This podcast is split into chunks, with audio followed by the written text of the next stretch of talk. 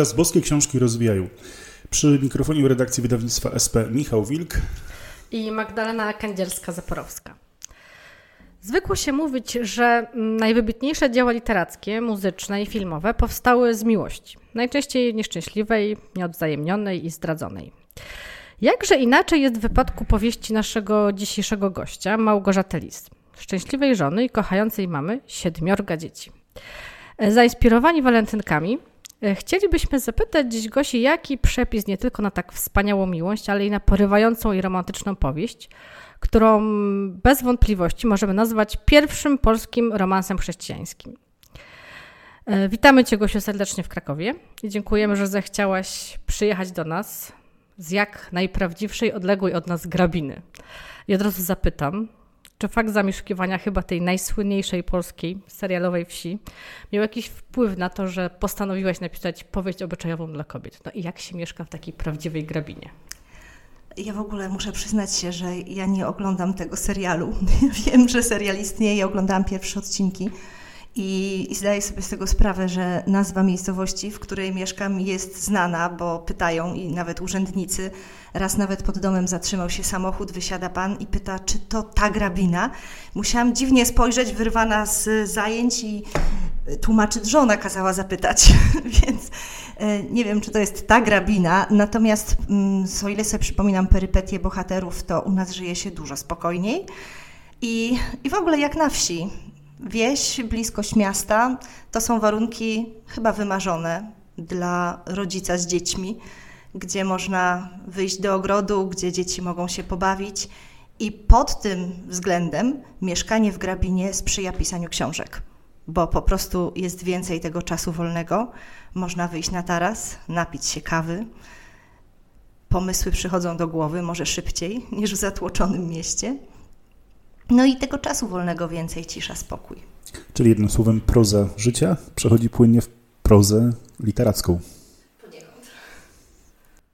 E, ale też może zdradzimy sekret, czy to jest ta prawdziwa grabina, rzeczywiście no, zdjęcia są kręcone u Was, czy to po prostu jest zbieżność e, nazw i, i serialowa grabina jest zupełnie gdzieś indziej? Nie wiem, szczerze mówiąc, gdzie jest serialowa grabina, czyli miejsce, w którym kręcą serial.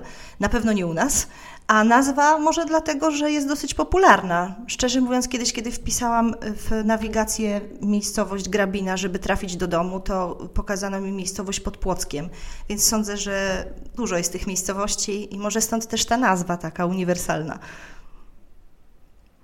E, jak już wspomniałam, e, napisałaś e, wyjątkowo wzruszającą powieść taką pełną niesamowitych zwrotów akcji. Przyznam, że jak pierwszy raz czytałam, to aż się zdziwiłam, że to u nas w wydawnictwie katolickim aż taka na, pełna napięcia powieść. E, aż trudno uwierzyć, że napisała ją mama siedmiorga dzieci, jak zakładam szczęśliwa małżonka. Pytanie, czy cokolwiek z tej historii e, ma jakiś e, pierwowzór w Twojej historii, czy ta miłość taka piękna i wzruszająca gdzieś tam ma korzenie w tym, co ty sama kiedyś przeżyłaś. Mogłabyś się tym podzielić albo zdradzić nam, uchylić rąbek tajemnicy. To znaczy, od razu powiem, że bohaterka książki to nie jestem ja i nie ma w ogóle żadnego bohatera, który byłby żywcem przeniesiony z rzeczywistości na karty książki. Na pewno wiele czerpię z tego, co mnie otacza. Zarówno z własne przemyślenia, są tam jakieś własne doświadczenia, jak i to, co obserwuję, to, co gdzieś czytam. Krótko mówiąc, jednak dla mnie książka musi być ciekawa. Ja lubię, kiedy jest dużo zwrotów akcji i dużo się dzieje, dlatego y, musiałam ubarwić troszeczkę życie bohaterów, a nie przenosić też tak bezpośrednio własne doświadczenia, ale muszę się przyznać, że kiedy czytam czasami w recenzjach albo ktoś mówi, że no to ta powieściowa Ania to taka trochę oderwana od rzeczywistości, y, taka trochę nieżyciowa. Y, no to troszeczkę, y, troszeczkę mi wstyd, bo tak te 20 lat temu to mniej więcej taka właśnie byłam. Może oderwana od tej współczesnej rzeczywistości, troszkę, troszkę naiwna. Ale moja historia miłosna też jest dosyć ciekawa, i kiedy tak zastanawiałam się, czasami wspominamy sobie z mężem, to zawsze wracamy do naszej pierwszej randki kiedy to umówiliśmy się w teatrze na przedstawieniu, do dzisiaj pamiętam, to było Wesele Wyspiańskiego w Teatrze Narodowym, no ale jak to biedni studenci mieliśmy tylko wejściówki, Więc e, no, na początku siedliśmy sobie razem, nawet całkiem blisko sceny, bo miejsca były wolne, później trzeba się było rozsiąść. Ja zapomniałam oczywiście od tego, że mm, przyjechał do mnie mój wtedy, no trudno nazwać nawet chłopakiem go, kolega w garniturze z kwiatami, więc było bardzo romantycznie. No a później proza życia w teatrze po pierwszym akcie podeszła do nas obsługa, że bardzo przepraszają, no ale te miejsca są zajęte, proszę poczekać, wszyscy usiądą i Państwo zajmą miejsca, więc zajęliśmy miejsca dość odległe od siebie po drugim akcie podchodzi do mnie Michał i mówi: No, może się przesiądziesz koło mnie, ta pani, która tutaj siedzi, a ja teraz, zaraz sobie pomyślałam, nie, nie, powiem, że tak, oczywiście, to pomyśli, że za bardzo mi zależy i nie, trzeba tutaj zachować zasady, jakieś konwenanse i, e, i powiedziałam, no jak chcesz, chyba był zbyt nieśmiały, żeby to przeforsować, e, więc siedzieliśmy nadal osobno. Po przedstawieniu, no może do kawiarni pójdziemy. I nie, już jestem zmęczona, ale gdzieś tam myślę, zaproś mnie drugi raz. Ale on nie, no to jak nie, to nie. Więc rękę podał, no to ja tak troszeczkę też się wysunęłam. W końcu doszliśmy do stacji metra, ja wchodzę do, do wagonu, a on odprowadzić cię? No jeśli chcesz, no to ja wracam do domu. I zamknęły się drzwi metra. I ja z najszczęśliwszej dziewczyny na świecie stałam się chyba najbardziej nieszczęśliwa, bo, bo myślałam, że to koniec. Ale to było 20 lat temu, więc jak widać, to nie był koniec. Jakoś tam bardzo szybko dotarliśmy do siebie, dogadaliśmy się, y, o co, o co w tym wszystkim chodziło, ale, ale takie zawirowane początki były i, no i teraz wspominamy to oczywiście z uśmiechem, ale wtedy byłam zrozpaczona. Jakie są jeszcze inne źródła właśnie tego typu e, historii, które trafiają później na e, strony książek i są dla Ciebie inspiracją w budowaniu bardzo ciekawych narracji, które, które piszesz? Y, widziałam kiedyś y, na stronie jednej z autorek koszulkę z napisem Jestem pisarzem i wszystko, co powiesz albo zrobisz, może być użyte w powieści. Myślę, że troszeczkę tak to jest, że z obserwacji życia codziennego bierze, biorę ja, myślę, że większość też osób piszących, przykłady, które później ubiera jakoś w słowa, w wydarzenia. Ja od dzieciństwa uwielbiałam marzyć. Nawet zwracały uwagę moje koleżanki, że mówię do siebie, bo po prostu toczyłam w głowie dialogi i jak widać również nie tylko w głowie. I y, nawet kiedy byłam jeszcze w szkole podstawowej, spisałam jedno takie opowiadanie. Pamiętam, przepisywałam go ręcznie do zeszytu, żeby swojej mamie podarować. Później już nie pisałam y, żadnych opowieści, opowiadań, bo w szkole sporo było jednak takich szkolnych zadań, czy na studiach później dużo pisania. Natomiast y, y, teraz, kiedy, kiedy zaczęłam pisać, to właściwie ta opowieść zaczęła wypływać sama z siebie. To jest troszeczkę tak, jakbym oglądała jakiś film i on się dzieje, bo czasem jest tak, że ja coś wymyślę, coś yy, ustalę, że taki będzie dialog, to się będzie działo. Siadam, zaczynam pisać i idzie to w, innym, w inną stronę. I czasami właśnie tak jest, że, że coś jest konkretnie przemyślane, a czasami zupełnie spontaniczne. Kiedy przyszła do nas książka 20-arkuszowa i ja zabrałam się do czytania jako redaktor, to chwyciłam się za głowę, bo sobie myślę, no 20 arkuszy, no to będę to czytać bardzo długo. A później zajrzałam do twojego biogramu i, i zobaczyłam, że jesteś mamą siedmiorga dzieci. To już moje zdumienie sięgnęło zenitu wtedy. E, I tak, kiedy y, potem poznałam Cię jako osobę i, i, i Twoją historię, zastanawiałam się, y, jak w ogóle można wpaść na pomysł, żeby mając siedmioro dzieci, e, wyobrażam sobie, że to wiąże się z ogromną, z ogromną e, ilością pracy, e, prowadząc jeszcze edukację domową, bo wiem, że uczysz dzieci w domu, jak, skąd wziął się pomysł, żeby poświęcić czas na napisanie 20-arkuszowej powieści, że być może teraz są modne blogi, prowadzenie jakichś takich właśnie blogów parentingowych, poradnictwa, a tutaj porządna, bardzo dobrze napisana, też jako dla, to była powieść debiutancka, więc ona mnie zaskoczyła taką dojrzałością e, i też bardzo dobrym warsztatem, więc myślę sobie, jak to zrobić. Znaczy, zaczęło się od tego, że zauważyłam, że mój wolny czas, który mam zazwyczaj wieczorami, marnowałam, krótko mówiąc.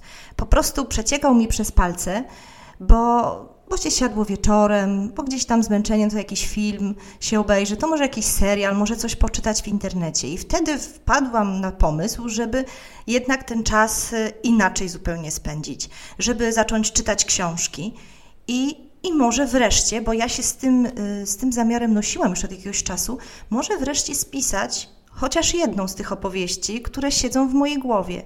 Więc można powiedzieć, że to pisanie to był na początku sposób na nie tyle zabicie czasu, co zorganizowanie sobie jakoś twórczo wolnego czasu. I zeszło mi sporo na napisanie tej powieści, bo właściwie od postawienia pierwszego słowa do wydania minęło aż trzy lata ale może też dlatego, że nie miałam żadnej presji czasu. Robiłam to na początku tylko dla siebie. Myślałam, może wydam gdzieś, wydrukuję, rozdam w rodzinie, więc y, nie, nie poświęcałam temu jakoś każdego wolnego swojego czasu. Ale wracając do ilości dzieci, mój syn nawet zrobił jakiś wykres na, y, mówi, że z obserwacji też to wynika. Im więcej ma się dzieci, tym paradoksalnie tego czasu robi się więcej.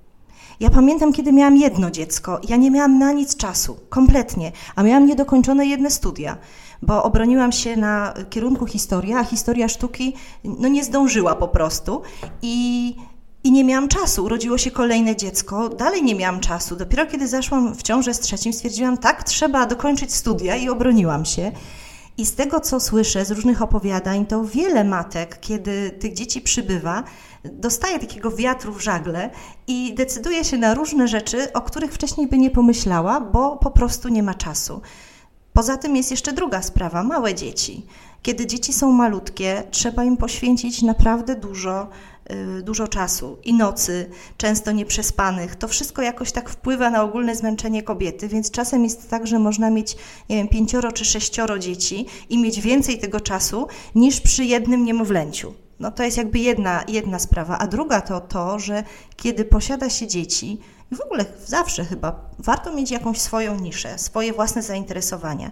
A przy dzieciach jest to o tyle potrzebne, że właściwie życie z dziećmi jest ciekawe. Ja nie mówię, że jest nudno, ale tak naprawdę dzieje się cały czas to samo. Ten dzień podobny jest do drugiego. Kiedy jeszcze dzieci nie chodzą do szkoły, to gdyby nie te zajęcia dodatkowe, to ja bym nie wiedziała, który jest dzień tygodnia czasami. Dlatego warto znaleźć jakąś, jakieś zajęcie i jemu się poświęcić, chociaż poświęcić troszkę w ciągu dnia czasu, ale mieć satysfakcję, że coś się robi dla siebie, może też dla innych. Przez to widzę, że sporo matek y, oddaje się jakiemuś rękodziełu, czy właśnie pisze blogi, jak wspomniałaś dla, do mnie blogi nie przemawiają, powiem szczerze. I, I, nawet ktoś się mnie pytał, mówi, napisz może bloga, pisz tutaj o swojej codzienności. Ale ja nie chciałam pisać o codzienności, bo tak jak już wspomniałam, dla mnie ona jest troszeczkę monotonna. Nie chciałam też nic ubarwiać, bo dlaczego kłamać? W blogach nie należy pisać to, co jest naprawdę, to, co się dzieje naprawdę. Dlatego Dlatego ten pomysł właśnie na powieść. Tym bardziej, że tak jak już parę razy mówiłam, ta powieść była w mojej głowie, czyli to nie było tak, że siadłam przed pustym ekranem i teraz co by tu napisać, jakich by tu bohaterów stworzyć, żeby, żeby powstało coś ciekawego. Czyli sposób na spędzanie czasu, można powiedzieć fascynujące to, co mówisz. To troszkę tak, i w rodzicielstwie, i w pisaniu sprawdza się tam taka zasada, święta zasada, że im bardziej czasu brakuje, tym weźmy sobie jeszcze więcej, to się to jakoś zorganizuje i pójdzie do przodu. Wspomniałaś o studiach. Z jednej strony historia, z drugiej strony historia sztuki. Domyślam się, że e, to też wiąże się z Twoimi pasjami. Jakie są jeszcze inne Twoje pasje poza pisaniem? Y, co robisz właśnie, żeby tę monotonię y, czasem dnia codziennego pogłębić, ubarwić, żeby, żeby było życie bardziej kolorowe? Czy ja przede wszystkim czytam książki. I kiedyś czytałam ich bardzo dużo, zwłaszcza w liceum. Pamiętam, miałam taki rok z książką, można powiedzieć, bo w ogóle byłam na biolchemię, na kierunku biologiczno-chemicznym. I kiedy mniej więcej w drugiej klasie liceum, a to było czteroletnie liceum, stwierdziłam, że ja chyba nie chcę być lekarzem i wolałabym pójść w kierunki jakieś humanistyczne no to stanęła przede mną widmo zdawania egzaminu na studia y, z polskiego i przeczytaniu mnóstwa lektur, których nam nie dawano, no bo to biolchem to tylko te podstawowe może przeczytajmy. Więc y, wtedy zaczęłam bardzo dużo czytać. Czytałam na studiach y, książki, które no wcale nie były żadnymi powieściami wciągającymi, tylko takie grube jakieś opracowania historyczne i nie tylko. I powiem szczerze, że kiedy ja skończyłam studia, to ja miałam wszystkiego dość. Miałam tak dość czytania, że ja nie mogłam patrzeć na książki i chciałam odpocząć. To się jakoś też zbiegło z urodzeniem pierwszego dziecka I, I powiem szczerze, że jakoś te pasje, jakieś zainteresowania gdzieś tam odeszły na drugi plan, bardzo daleko. I właśnie to, co już powiedziałam, dzieci przybywa i przybywa też chęci, żeby ten swój czas wolny zagospodarować, więc y, postanowiłam zacząć czytać, ale nie czytać znowuż lektury, książki gdzieś tam obowiązkowe, jakieś opracowania, bo na to przyznaję w tym, tej mojej codzienności nie mam po prostu siły, ani nawet ochoty. Książka musi mnie naprawdę wciągnąć, żebym ją skończyła. Nie może mnie zanudzić i nie może też wymagać, ja to się troszeczkę śmieję, zaangażowania intelektualnego, bo kiedy coś się w domu dzieje, no to trzeba przerwać i zanim, zanim się wróci, zanim się zgłębi jakieś treści, to czas minie. Więc y, na razie moim zainteresowaniem są książki raczej obyczajowe. Lubię, kiedy jest jakiś wątek też romansowy w tle, więc ten gatunek jak najbardziej. Y, I, I ten inny wolny czas wolę poświęcić jednak i dzieciom, i spotykaniu się z innymi ludźmi, dlatego że mogę tak powtórzyć troszeczkę za Anią z powieści, że po prostu lubię ludzi i lubię się z nimi spotykać i lubię z nimi rozmawiać. Może też z tego wyrasta ta moja pasja pisania. Ta książka ukazała się w naszej serii opowieści z wiary. I sama kiedyś przyznałeś, że trochę zainspirowana tą, e, tą serią postanowiłaś do nas akurat z, z tą swoją propozycją się zwrócić. E, rozmawialiśmy też przed chwilą o tym, że mm, jest to książka, która w jakiś sposób przeciera szlag na polskim rynku wydawniczym, że do tej pory tego typu, jak to mówimy, romanse chrześcijańskie nie pojawiały się w twórczości polskich pisarek. Wiemy, że mm, takie rzeczy wydawane były za granicą i też w Polsce tłumaczenia się pojawiały. Stąd moje pytanie w ogóle. I gdybyś miała zdefiniować na potrzeby tych polskich czytelników, którzy po raz pierwszy spotykają się z taką lekturą, czym jest dla ciebie właśnie ten romans chrześcijański, jak o nim mówimy, pierwszy na polskim rynku? Jakie on właściwie powinien mieć cechy? E, bo mówiąc krótko, no, wyznaczasz pewne reguły gatunku, będąc prekursorką. Y, być może tutaj też rozmawialiśmy, czytelnicy znają jakieś inne tego typu książki, ale wydaje mi się, że y, patrząc na to, co dzieje się teraz na rynku, to jednak jest to pewna, y, pewna wyjątkowość, pewien wyjątek właśnie na, na rynku wydawniczym. Czym jest romans chrześcijański, polski romans chrześcijański? Romans chrześcijański powinien oprócz tego typowego wątku romansowego, czyli po prostu miłości, zazwyczaj troszeczkę zagmatwanych dróg, które do niej prowadzą, pokazać wszystko w świetle wiary. I to jest dla mnie istotne, ważne. Tego szukałam w powieściach i powiem szczerze, tego w polskich powieściach nie znalazłam i między innymi dlatego pomyślałam, że warto taką książkę napisać i warto zwrócić się z prośbą do wydawców, żeby ona ujrzała światło dzienne.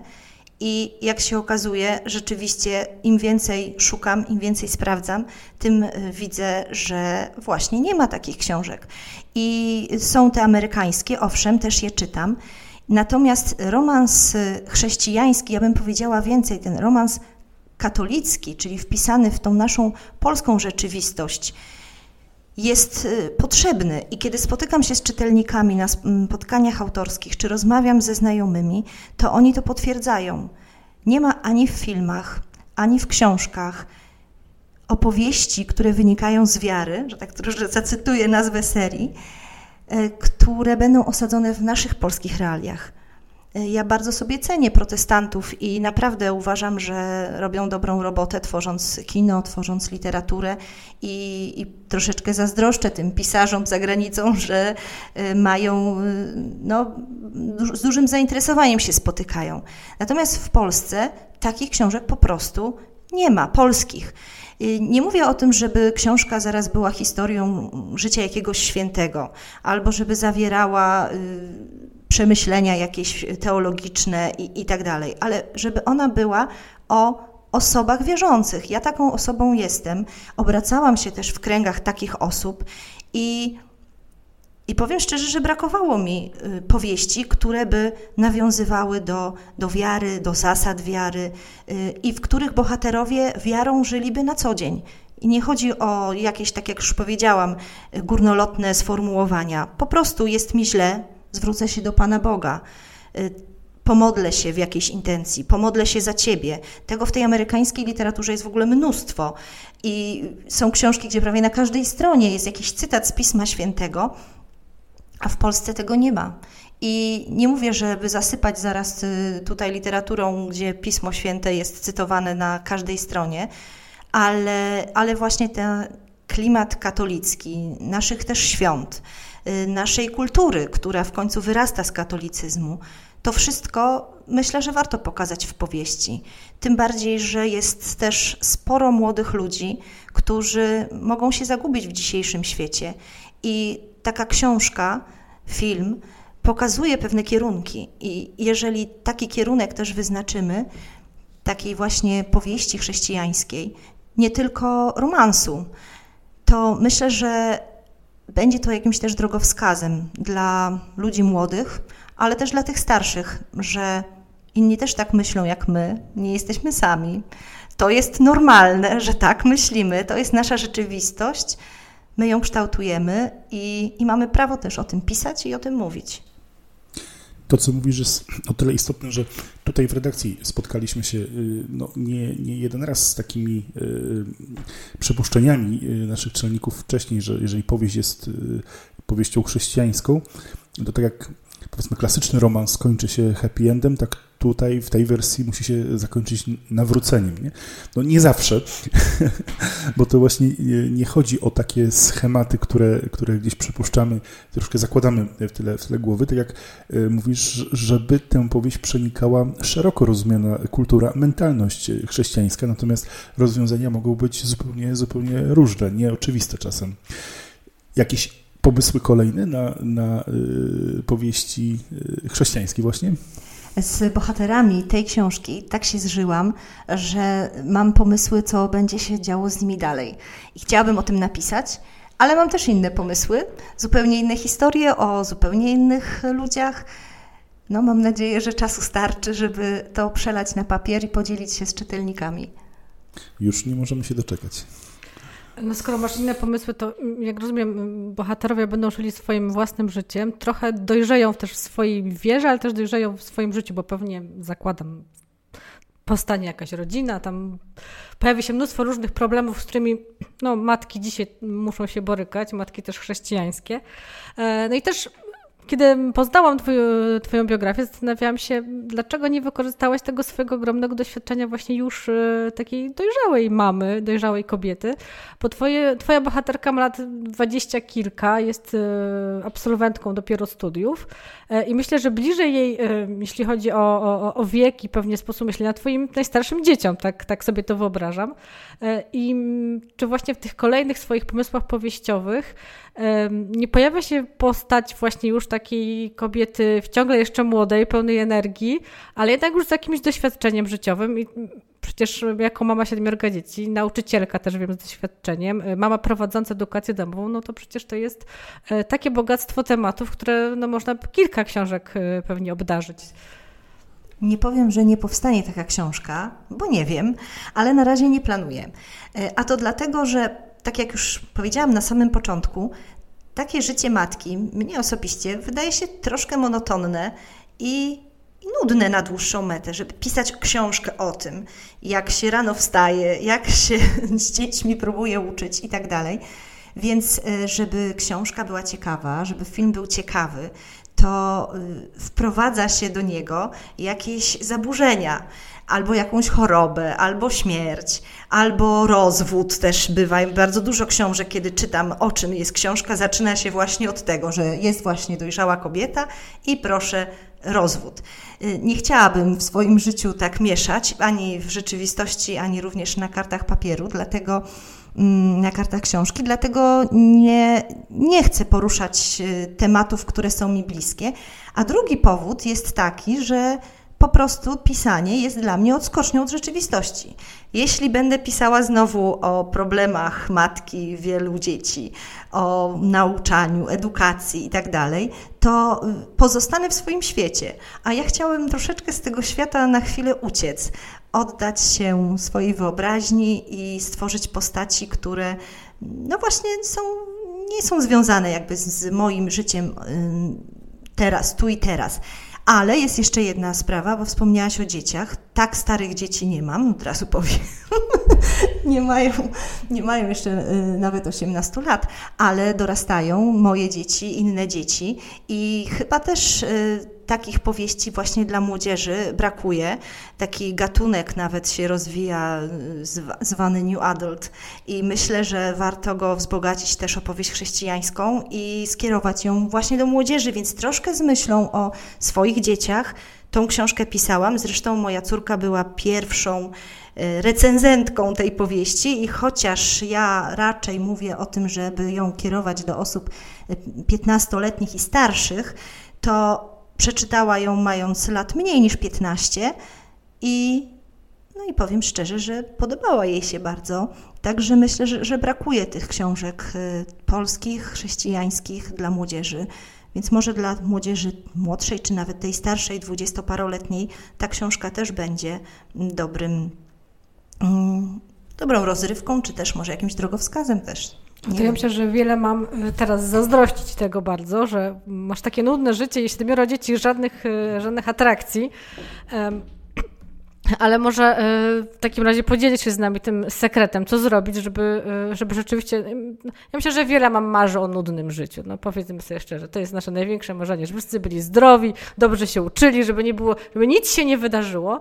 E, jak rozumiem, bardzo ważną rolę w waszym życiu odgrywa wiara.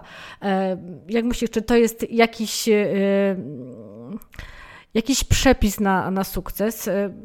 Też e, mówisz, że nie chciałabyś przeżyć w swoim życiu rozwodu. Ja wierzę, że tak będzie, no bo e, biorąc to pod uwagę, że jaką jesteś osobą, jak bardzo poważnie podchodzisz do pewnych rzeczy, to trudno w ogóle się tego spodziewać, no ale też mając siedmioro dzieci, trudno dbać o swój związek na przykład, więc jakbyś teraz miała e, jako ta szczęśliwa i spełniona mama nudnej zupełnie rodziny, podzielić się z takim no, przepisem na to, co zrobić, żeby tak właśnie trochę nudnie żyć sobie w grabinie. Nie wiem, czy jest recepta, która by była dla wszystkich która każdemu by odpowiadała, bo każdy, każde małżeństwo jest inne i ma inne potrzeby. My na szczęście nie mamy jakichś potrzeb ucieczki z domu, chodzenia raz w tygodniu na randki. No i całe szczęście, bo nie mamy takich możliwości po prostu. My w ogóle zdecydowaliśmy się na dużą rodzinę jeszcze przed ślubem. Rozmawialiśmy o tym też, o dzieciach i i wtedy ustaliliśmy, że y, czwórka to będzie najlepsza ilość dzieci. Mamy, każdy, każdy z nas ma po dwoje rodzeństwa, więc stwierdziliśmy, że nie, trzy to jest zdecydowanie za mało, najlepiej cztery, tak, dwójka, potem przerwa i potem znowu dwójka. I rzeczywiście tak się stało. Mieliśmy dwoje dzieci, rok po roku właściwie, później cztery lata przerwy, znowu tak dwójka rok po roku. I wtedy razem stwierdziliśmy, że ale zaraz, no dlaczego nie możemy mieć więcej dzieci? Jaki jest powód? No nie chce nam się, po prostu nam się nie chce. No i stwierdziliśmy, że lenistwo nie może być przeszkodą w pozwoleniu Panu Bogu, by działał i, i, dawał nowe życie. I w ten sposób mamy jeszcze trójkę, ale mówię o tym dlatego, że to jest nasza wspólna decyzja i my wspólnie tworzymy tą rodzinę. I można powiedzieć, że tym naszym, że dzieci są teraz naszą e, wspólną sprawą. Współdziałamy. Teraz, y, kiedy tutaj jestem, mój mąż dzielnie zajmuje się całą siódemką i, i dobrze mu na pewno idzie. I dlatego wydaje mi się, że ta współpraca jest tutaj kluczowa. I to, co powiedziałaś, wiara jest chyba najważniejsza, bo jeśli w ogóle mogłabym pokusić się o jakąkolwiek receptę dla wszystkich, to chyba modlitwa. Kiedyś byłam jeszcze, jeszcze wtedy chyba przed ślubem byłam i trafiłam na mszę ślubną y, przez, zupełnie przypadkiem. Mm, w, koło uniwersytetu jest dużo kościołów zabytkowych, pięknych, więc tam często śluby się odbywają.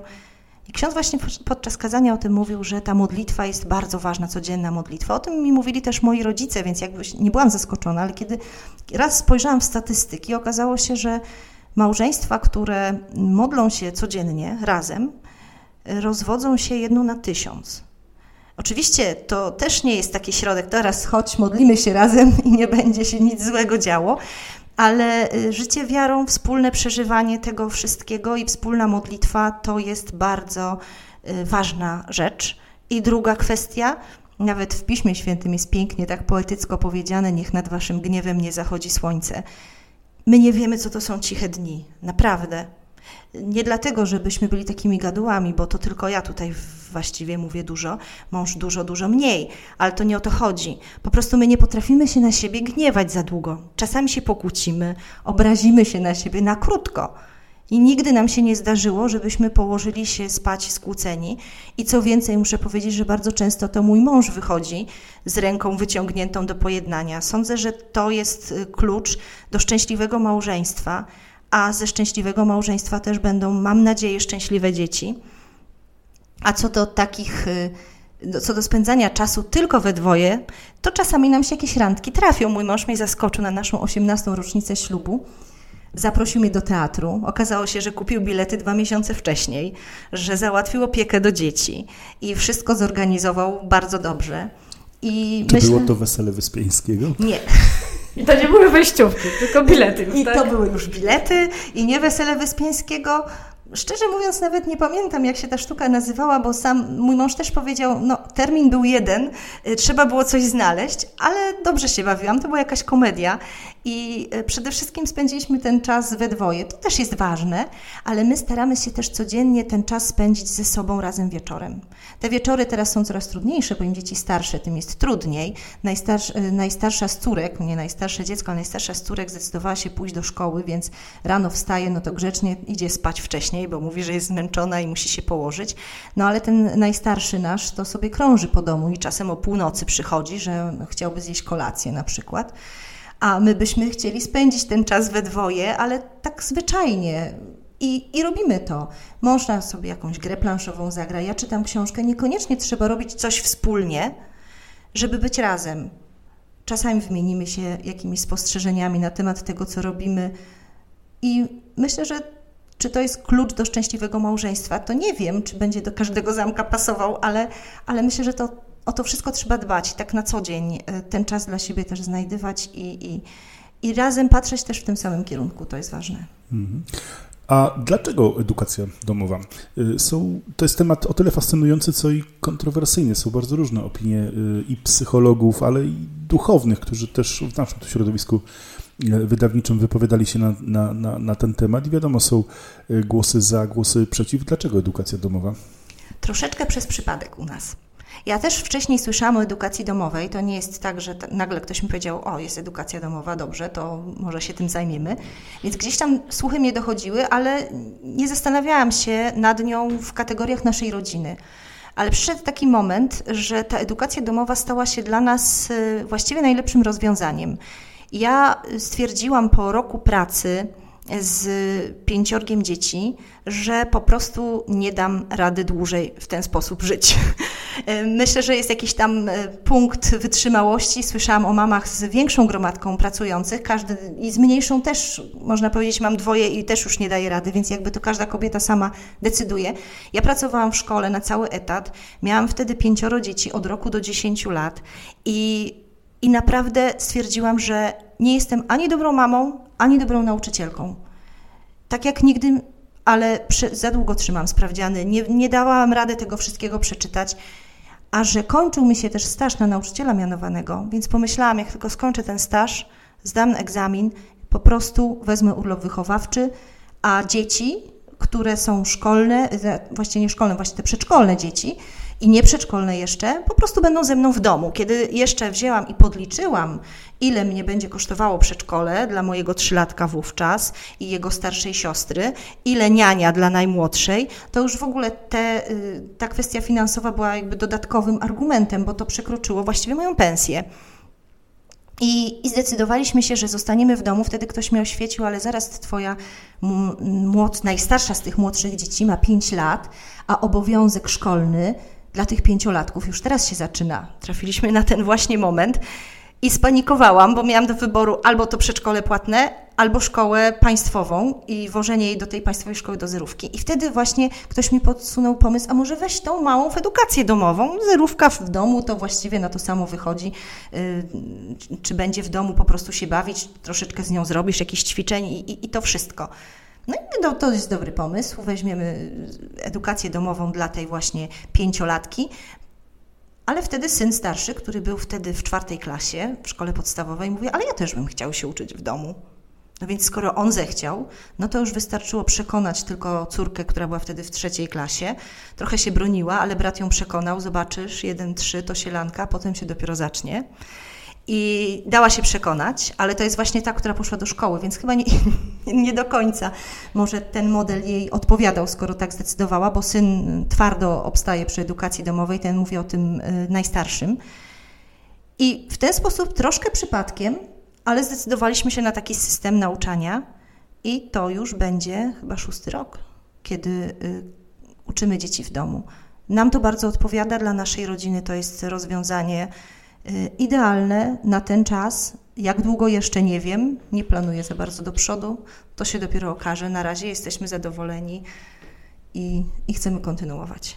A ten najstarszy syn to już y, licealny, tak? Też... Tak, tak się złożyło, że mam y, dwóch pierwszaków licealnych w domu, e, ale jeden czteroletni liceum, a syn właśnie jest ostatnim rocznikiem gimnazjum, stąd on jest teraz w pierwszej klasie liceum, ale tego trzyletniego. I to już chyba jest rzeczywiście wyzwanie, bo to przygotowanie do matury i jak rozumiem, praca z sześciolatkiem w domu, no to rzeczywiście to trochę zabawa, ale przygotowanie już e, takiego licealisty to, to już jest wyzwanie też, jak sobie tak technicznie radzicie z tym? Znaczy ja bym podzieliła to u nas na takie jakby trzy etapy. Znaczy te maluchy, ten, właściwie nawet jeden, trzy, zwłaszcza do klasy drugiej, to głównie zabawa. Dzieci się bawią same i mają bardzo dużo czasu wolnego na rozwijanie kreatywności, czy to na dworze, czy w domu. Czytają książki, te, które już potrafią i jeśli czegoś nie umieją, starsi im pomagają, więc jakby ta edukacja tych młodszych dzieci dzieje się sama. Edukacja tych dzieci troszkę starszych, teraz mam córkę w czwartej klasie znowu, a od tego zaczynaliśmy właściwie, czwarta i, i piąta klasa, to jest duża pomoc rodziców. Trzeba z dzieckiem przysiąść, trzeba wytłumaczyć, pokazać, pokazać też jak się uczyć. A starsze dzieci uczą się same właściwie uczą się same. I ta y, córka, która właśnie poszła do liceum, ona już to sobie opracowała świetnie już w siódmej i w ósmej klasie, działała właściwie sama, miała wszystko rozpisane, wszystko na czas robiła. Y, dzisiaj jest tak, że ona ma tydzień przed sprawdzianem, już ma wszystko opracowane do tego sprawdzianu i cała klasa od niej dzień przed sprawdzianem notatki bierze, bo oni jeszcze się nie przygotowali. Więc tu jestem z niej dumna, że myślę, że też ten system edukacji domowej ją tego nauczył, tego planowania i, i pracy systematycznej Y, starszy może nie jest aż tak systematyczny, ale też panuje już sam nad nauką, potrafi sobie to wszystko rozłożyć w czasie, rozpisać i w zasadzie moja rola polega tutaj głównie na mobilizacji, przypominaniu, co należy zrobić, y, troszkę pomocy w przedmiotach humanistycznych, a mąż pomaga w przedmiotach ścisłych. System y, dawnego liceum jest, sprzyja bardzo edukacji domowej, dlatego że właściwie większość przedmiotów jest w pierwszej klasie, a potem już tylko przedmioty maturalne, rozszerzone.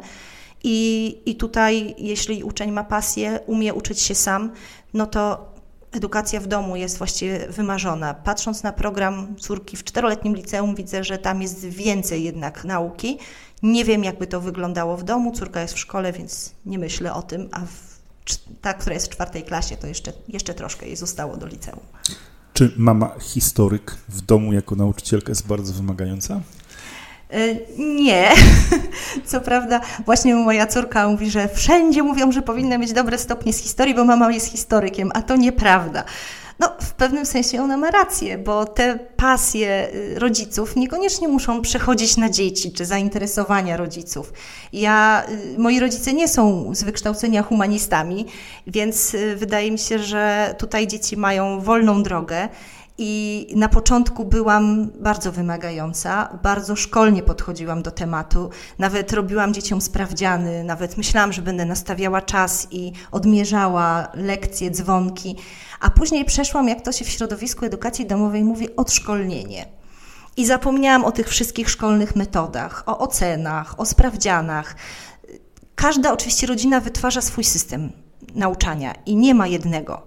Ale u nas akurat y, ten system szkolny odszedł już do lamusa i, i trudno mówić o wymaganiach mnie jako nauczycielki.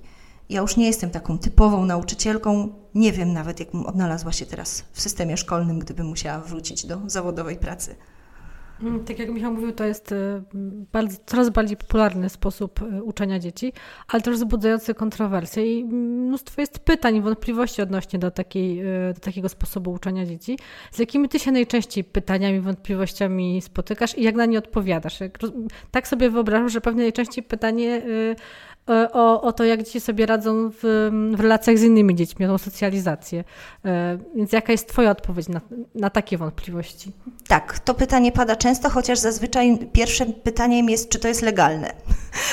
Więc teraz mogę powiedzieć krótko, tak, to jest legalne od lat wczesnych 90. w Polsce, prawnie dozwolone.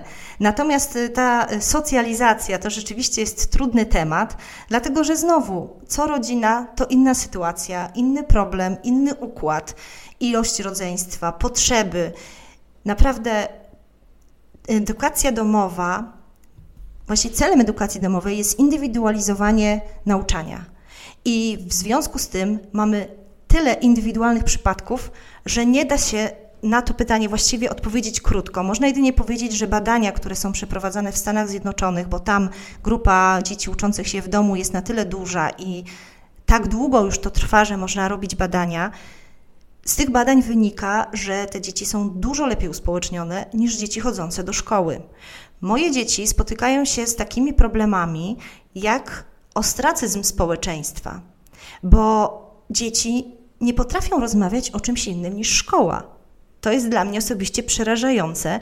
Moje dzieci mówią, co to jest klasówka, co to jest kartkówka. Pytają mnie o takie rzeczy. Oczywiście ja im wyjaśniam, powinny to wiedzieć, ale dlaczego rówieśnicy zamiast mówić o swoich zainteresowaniach, o, o tym, co lubią, czym się zajmują, cały czas mówią o tym, co będzie w szkole, co było w szkole, o nauczycielach i właściwie te pytania, te, te rozmowy cały czas się przewijają i, i dzieci mówią, my nie mamy po prostu e, o czym rozmawiać.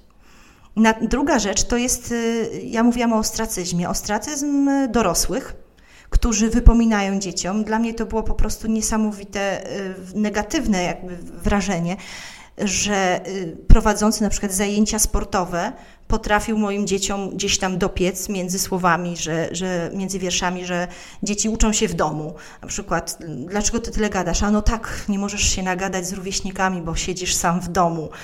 Tego typu uwagi są dla mnie po prostu, no, pomijam fakt, że niezbyt kulturalne, ale świadczą po prostu o tym, że mamy troszeczkę w Polsce takie dwa obozy: obóz szkolny i obóz odszkolniony. I ten szkolny jest mało tolerancyjny. Nawet y, słyszałam o takim chłopcu, który z edukacji domowej, bo w związku z tym y, kontaktujemy się też rodzice prowadzący edukację domową między sobą, szukamy też y, kontaktów, żeby nasze dzieci mogły też z rówieśnikami się spotykać nawet w czasie szkolnym i, i wtedy mają mnóstwo wspólnych tematów. Natomiast właśnie słyszałam o chłopcu, który po prostu pojechał raz na wakacje i mówi, ja się nie przyznam, że jestem w edukacji domowej, bo za każdym razem, kiedy o tym mówię, ludzie się ode mnie po prostu odsuwają. Stwierdzają, że na pewno jestem dziwakiem, na pewno nikt mnie nie lubił i dlatego jestem w domu. I mówił, że to był wspaniały wyjazd. Wszyscy go lubili, rozmawiali z nim normalnie i nie przyznał się do końca, że jest w edukacji domowej. Także y, to pokazuje, że dzieci w edukacji domowej, młodzież nie ma problemu z wyjściem do społeczeństwa. Czasami właśnie społeczeństwo ma problem z edukacją domową. Nie wiem, z czego to wynika. Myślę, że znowu tutaj jest dużo przyczyn, ale y, to bardzo utrudnia edukację domową. Mhm. A wspomniałaś o tej takiej y, wspólnocie rodziców, którzy ze sobą utrzymują kontakt pewnie wspomagacie się, wspieracie się. Jak to w praktyce wygląda? Jak, jakie są, powiedzmy, te formalne czy nieformalne struktury w Polsce, e, gdzie ktoś, kto decyduje się na edukację domową, może liczyć na takie wsparcie osób, które już mają w tym pewne doświadczenie? Są nawet zakładane szkoły niesystemowe, więc to jest jakby najbardziej taka formalna y, opcja. Można normalnie dziecko posłać w eduka- będące w edukacji domowej dziecko posłać do szkoły. Y, tylko te szkoły są właśnie, jak już powiedziałam, pozasystemowe i różne, naprawdę przeróżne, więc niektórzy korzystają z tej opcji. Inni z kolei łączą się w grupy i nawzajem edukują swoje dzieci albo organizują dla nich wspólne zajęcia. Natomiast wydaje mi się, że ta opcja jest, jest możliwa w, na przykład w dużych miastach, gdzie na jednym obszarze te dzieci się gromadzą. Jest y, łatwiejsza, kiedy ma się mniej dzieci i w podobnym wieku. Na przykład wszystkie dzieci są szkolne w podobnym wieku i można razem to połączyć. Ja osobiście nie wyobrażam sobie, żebym miała wozić y, czworo, aktualnie czworo dzieci szkolnych, każde na inne zajęcia, gdzie mam jeszcze w domu malutkie dzieci, które też wymagają opieki, czasami się rozchorują i wtedy takie wożenie jest y, niemożliwe. Także to jest y, wybór nasz, że my osobiście nie, bierze, nie uczestniczymy w żadnych formalnych strukturach, Oczywiście, jak każde dziecko, nasze dzieci też zapisane są do szkoły, bo każde dziecko w edukacji domowej musi być zapisane do szkoły. Tam zdaje też egzaminy każdego roku z przedmiotów objętych programem nauczania. I w tej szkole na przykład zorganizowaliśmy y, sobie zajęcia na basenie. I tam się spotkaliśmy i tak poznaliśmy się w kilka rodzin które i spotykamy się w zupełnie nieformalny sposób, zupełnie nie po to, żeby dzieci uczyć, żeby dzieci się pobawiły, spotkały. Kiedyś na takim naszym spotkaniu były cztery mamy, a dzieci było dwadzieścioro, chyba coś koło tego, więc y, dzieci jest naprawdę wtedy bardzo dużo. Sądzę, że z socjalizacją nie mają żadnego problemu.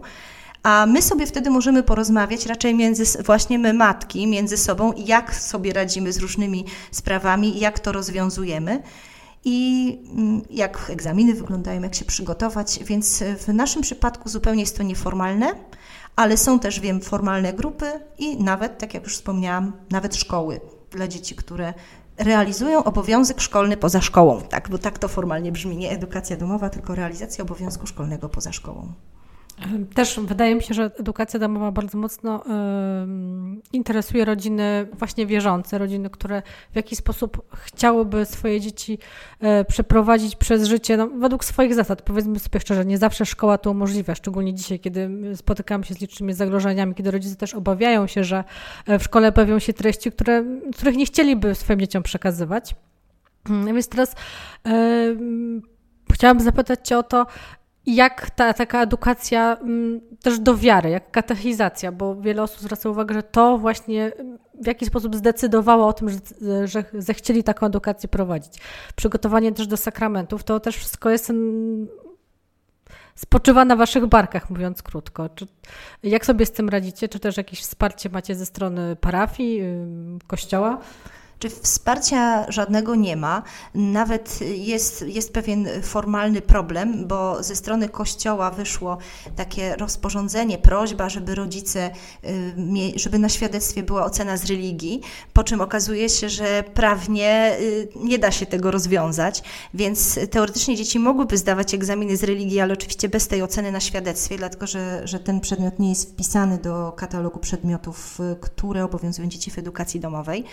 Więc y, część rodziców pewnie decyduje się na, na taki krok, że realizuje po prostu podstawę programową z religii i przeprowadza egzaminy w szkołach y, u katechetów szkolnych. Natomiast można też pójść inną drogą i my ją osobiście wybraliśmy, żeby katechizować dzieci y, słowem też, ale też i życiem, czyli starać się wspólnie modlić to nie zawsze wychodzi, zwłaszcza kiedy na przykład dzieci są chore, y, jest jakiś wyjazd, coś, coś się takiego dzieje wyjątkowego, co gdzieś destabilizuje nasz, y, nasz rytm, ale już y, wiele razy udało nam się usiąść razem do modlitwy, porozmawiać choćby o Słowie Bożym na dany dzień. Ja słyszałam w ogóle o rodzinie, która według Pisma Świętego uczy dzieci. Z, czytając Pismo Święte, wyprowadza tematy również naukowe i w ten sposób y, prowadzi y, katechizację. I nie tylko katechizację. Więc jakby można, można przyjąć taką drogę. Można też podsuwać dzieciom książki religijne. A ja myślę, że najwięcej dzieci dowiadują się raz, że z życia, bo i tak modlimy się codziennie, całą rodziną, nie tylko tak jak wspomniałam, z mężem, ale również z dziećmi przeżywamy rok liturgiczny, chodzimy na, na przykład na roraty i podczas mszy niedzielnych też dzieci słuchają katechezy w postaci choćby kazania. Rozmawiamy o różnych problemach, nie tylko problemach wiary, ale również problemach moralnych, które się pojawiają, zwłaszcza z tymi starszymi dziećmi. Tych rozmów jest naprawdę, naprawdę wiele. Więc ta katechizacja w naszym przypadku nie jest sformalizowana, nie jest też jakoś uregulowana, ale staramy się, żeby, żeby była. Staramy się uczyć dzieci też e, prawd wiary, e, przykazań i tak dalej. No teraz akurat przygotowuje się do komunii dwoje naszych dzieci. Chodzą co miesiąc na spotkania w parafii I oprócz tego rozmawiamy też e, w domu o, o komunii. Akurat syn jest w wieku komunijnym, bo jest właśnie w trzeciej klasie, ale na przykład córka jest w pierwszej i bardzo chciała przystąpić do pierwszej komunii. I ksiądz proboszcz wyraził zgodę i powiedział, że może dołączyć do grupy. Tak samo było z jeszcze szkolnymi naszymi dziećmi, e, tymi najstarszymi. One wtedy chodziły do szkoły i też ksiądz zgodził się, żeby córka młodsza dołączyła. Druga z moich córek w ogóle miała wczesną komunię, osobno zorganizowaną w parafii. Wtedy ksiądz się zgodził, w tym roku już takiej zgody nie wydał na, na te nasze kolejne dzieci. I, I wtedy już w ogóle nie było przygotowania, nawet formalnego w parafii. Do bierzmowania w parafii jest przygotowanie, więc y, syn był przygotowany w parafii. Y, córka chodzi na oazę, syn też swego czasu chodził. Jest, y, są w skautach Europy. Skauty, skauci Europy to harcerstwo, które jest bardzo blisko kościoła, więc też poza domem dzieci mają wzorce i Mam nadzieję, że to wszystko, plus nasze wychowanie i przykład naszego życia, składa się na tą katechizację. To jeszcze zapytam o to ostatnią rzecz, którą chyba e, edukacji domowej, bo mówiliśmy o tym, że, że ludzie mają wątpliwości. Pytają pewnie o różne zagrożenia i ryzyka. I jakby z tego, co mówisz, to wynika, że to wszystko jest jak najbardziej w porządku i nie ma takiego ryzyka, ale być może gdzieś zauważasz, e, że pewnie dzieci szkolne też mają różne kłopoty, więc to nie jest tak, że to jest coś gorszego. Tylko chciałabym tutaj dla naszych słuchaczy e, taką małą podpowiedź, jak radzić sobie z tymi problemami, które być może się w edukacji domowej rzeczywiście pojawiają. Mówiłaś o takim ostracyzmie, mówiłaś o jakimś odrzuceniu, o, o um, pewnie też depresjonowaniu waszej, waszej pracy. Spodziewam się, że wiele osób e, może mieć wątpliwości, jak możecie uczyć dzieci, na przykład właśnie przygotowując do matury. E, więc gdybyś miała powiedzieć z twojej perspektywy, jakie takie zagrożenie realne widzisz największe i jak sobie z nim radzisz? Czy takim obiektywnym zupełnie zagrożeniem są finanse? Y, o tym nie wspomniałam dotychczas, ale dużo osób pyta, czy ja dostaję pieniądze za to, że jestem z dziećmi w domu. Otóż nie, nie dostaję pieniędzy. Niektóre szkoły y, oferują jakąś y, pulę pieniężną, ale nie są to duże kwoty do wykorzystania zazwyczaj na zajęcia dodatkowe czy na materiały edukacyjne. Bardzo często rodzic musi rezygnować z pracy. Ja nie zrezygnowałam dla edukacji domowej, więc w tych rodzinach wielodzietnych jest często to naturalne, że mama i tak jest w domu. No ale powiedzmy sobie szczerze, łączy wtedy kilka etatów, bo i przedszkolanki, i nauczycielki, więc y, jest to wtedy trudne.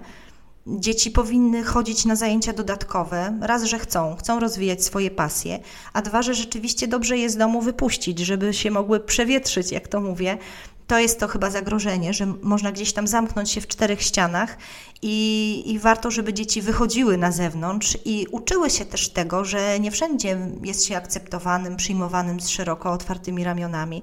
Ten ostracyzm, o którym trochę więcej powiedziałam, jest owszem obecny, ale niestety w szkołach on też istnieje. Wobec uczniów właściwie Powód zawsze się znajdzie, jeśli chce się kogoś wykluczyć. Dlatego dzieci muszą znaleźć w sobie tą wewnętrzną siłę, żeby poradzić sobie w życiu, teraz w życiu młodym, a później dorosłym, z odrzuceniem, z krytyką, z trudnościami, jakie pojawiają się na naszej drodze. Taki obraz mi przyszedł do głowy, kiedy myślałam o trudnościach edukacji domowej. Y, obraz drzewa. Nie jestem botanikiem, nie znam się na roślinach, ale nie trzeba być specjalistą, żeby zobaczyć, że młode drzewa się otacza płotkiem, chroni się przed zwierzętami, podlewa się, chociaż drzewo powinno poradzić sobie samo, ale jednak sprawdza się, jak susza, to się podleje. Krótko mówiąc, o takie drzewo się bardzo troszczy. Ono później zapuszcza głęboko korzenie, wzmacnia się i już sobie samo poradzi ze wszystkim, z wiatrem, ze szkodnikami, raczej przetrwa.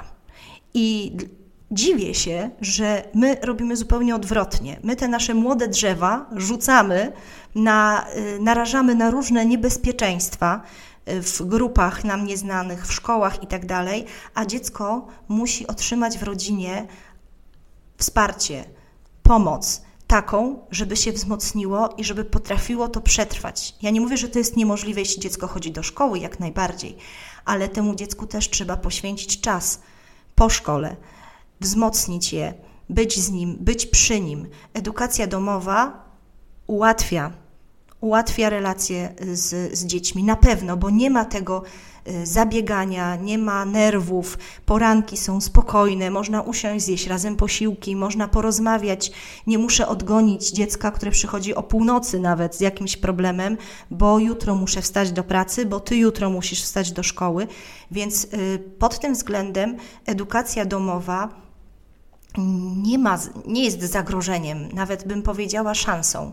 Tylko tak jak wszystko, trzeba dostosować do potrzeb, do y, możliwości swoich, swojej rodziny, a później, y, później realizować z myślą o, o dobru dziecka, bo to jest chyba najważniejsze. Myślę, to takie też piękne podsumowanie naszej rozmowy, wszystko realizować, o dobru, y, robić wszystko dla dobra dziecka. Tego Ci życzę, żeby Ci się to udawało i mam nadzieję, że przy okazji tego, e, tej Twojej pracy w edukacji domowej e, też powstaną kolejne książki już, może nie edukacji domowej, ale właśnie miłości, zbliżają się walentynki. Czego chciałabyś życzyć e, czytelniczkom, czytelnikom też Twojej książki właśnie z okazji walentynek? Chciałabym przede wszystkim życzyć, życzyć odnalezienia prawdziwej miłości, takiej, która wszystko przetrwa, która jest cierpliwa, która jest osadzona w Bogu, żeby potrafili przetrwać życiowe burze i później z satysfakcją popatrzeć do tyłu i powiedzieć: Udało nam się, jesteśmy mocniejsi, jesteśmy bliżej siebie i wciąż się kochamy. Naszym gościem była dzisiaj pani Małgorzata Lis, autorka naszej powieści romansu chrześcijańskiego Kocham Cię mimo wszystko. Pięknie dziękujemy za rozmowę. Dziękuję. Do zobaczenia przy najbliższej książce. Żegnają Państwa Magdalena Kędzierska-Zaporowska i Michał Wilk, redaktorzy wydawnictwa SP.